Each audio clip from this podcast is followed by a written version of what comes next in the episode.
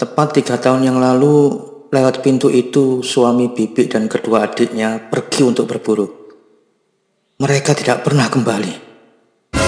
Dalam perjalanan menuju tempat berburu itu, mereka semua tenggelam dalam mubur isap. Waktu itu hujan kadang turun biarpun sedang musim panas.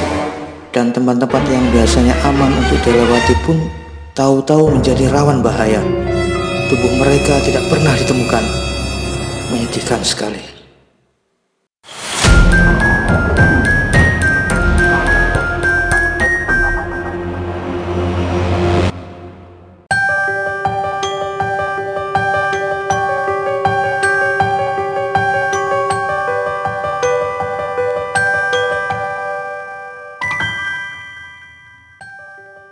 Assalamualaikum warahmatullahi wabarakatuh Selamat datang di Gudang Fiksi saya Edi Musasi. Podcast ini berisi cerita-cerita fiksi, mulai fiksi sains, inspirasi, motivasi, misteri, horor, romans, dan lain-lain.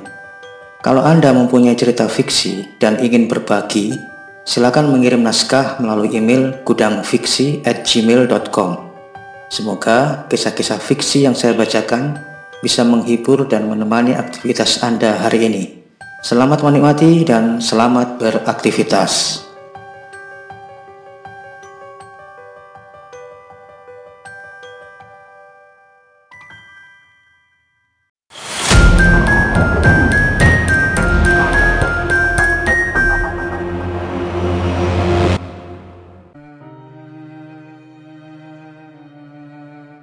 Pintu yang selalu dibiarkan terbuka Karya Hector Hughes Munro Bibi saya akan segera pulang Pak Natel, ucap gadis berusia 15 tahun itu dengan amat tenang. Sementara itu, biarlah saya yang menemani Bapak. Frampton Natal mencari-cari jawaban yang sekiranya dapat menyenangkan gadis itu. Perkataan yang tidak akan membuat sang bibi jengkel. Seharusnya ia sedang menjalani pengobatan untuk penyakit syarafnya. Ia ragu Apakah kunjungan ramah tamah pada sejumlah orang yang tak dikenalnya ini akan dapat meringankan penyakitnya? Aku mengerti kesulitanmu, begitu kata kakaknya sewaktu lelaki itu sedang mempersiapkan kebendahannya ke pedesaan. Kau akan kesulitan mengendalikan diri dan tak bicara pada siapa pun.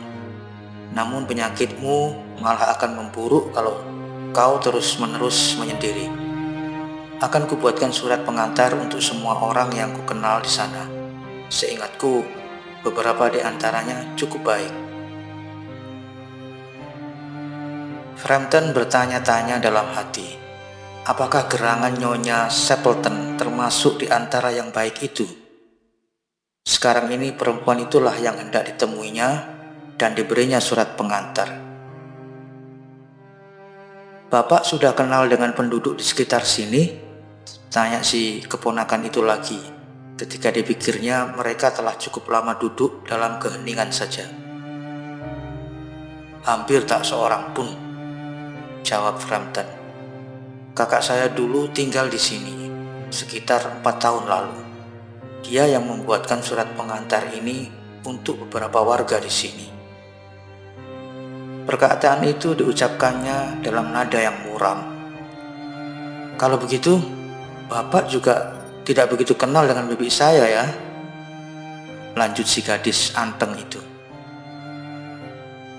Cuma nama dan alamatnya, jawab Frampton mengakui.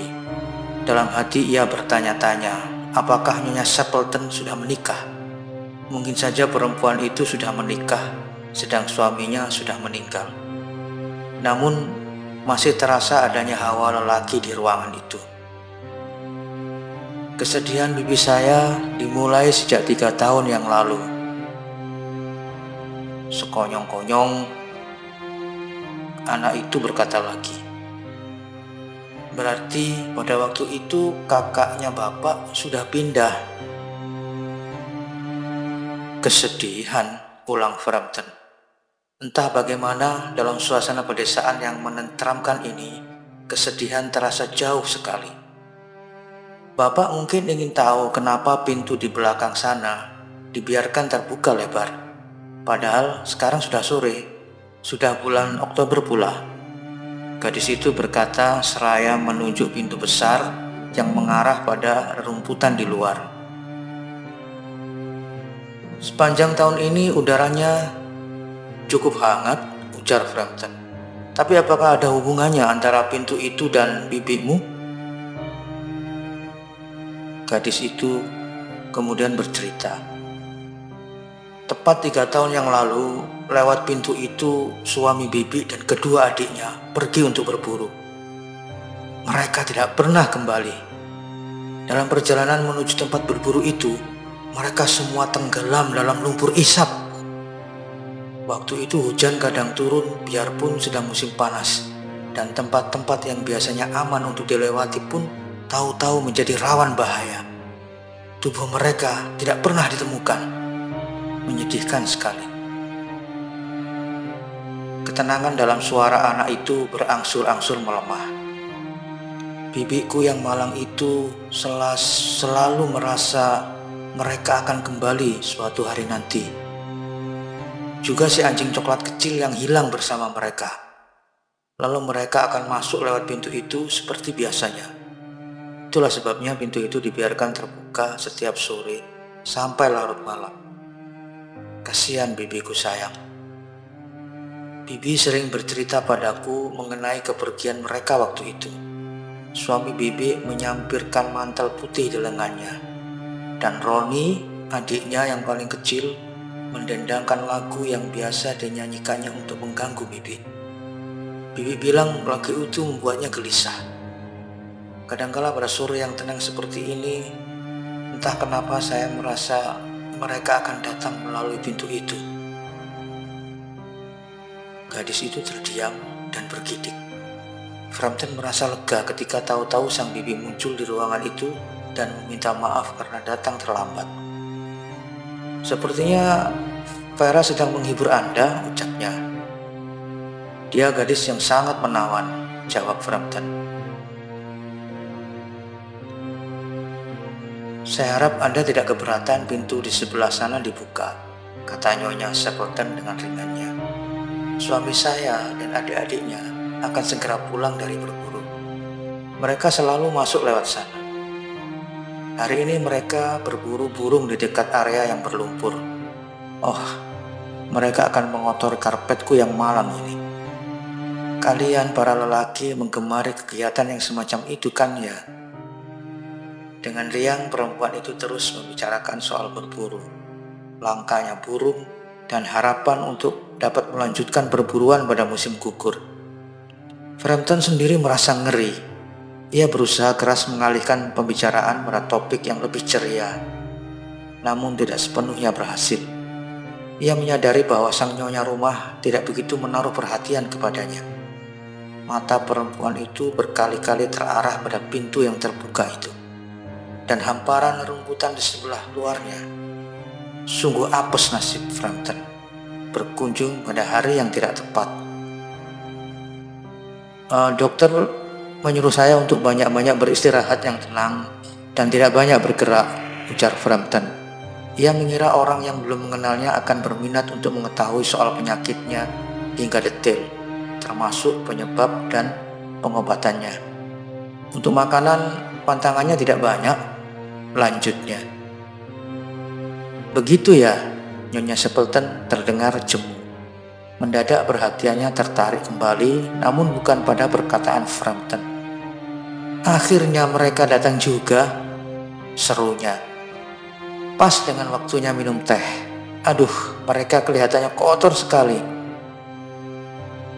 Frampton merasa agak merinding. Ia berpaling pada keponakan perempuan itu. Tatapannya menunjukkan simpati.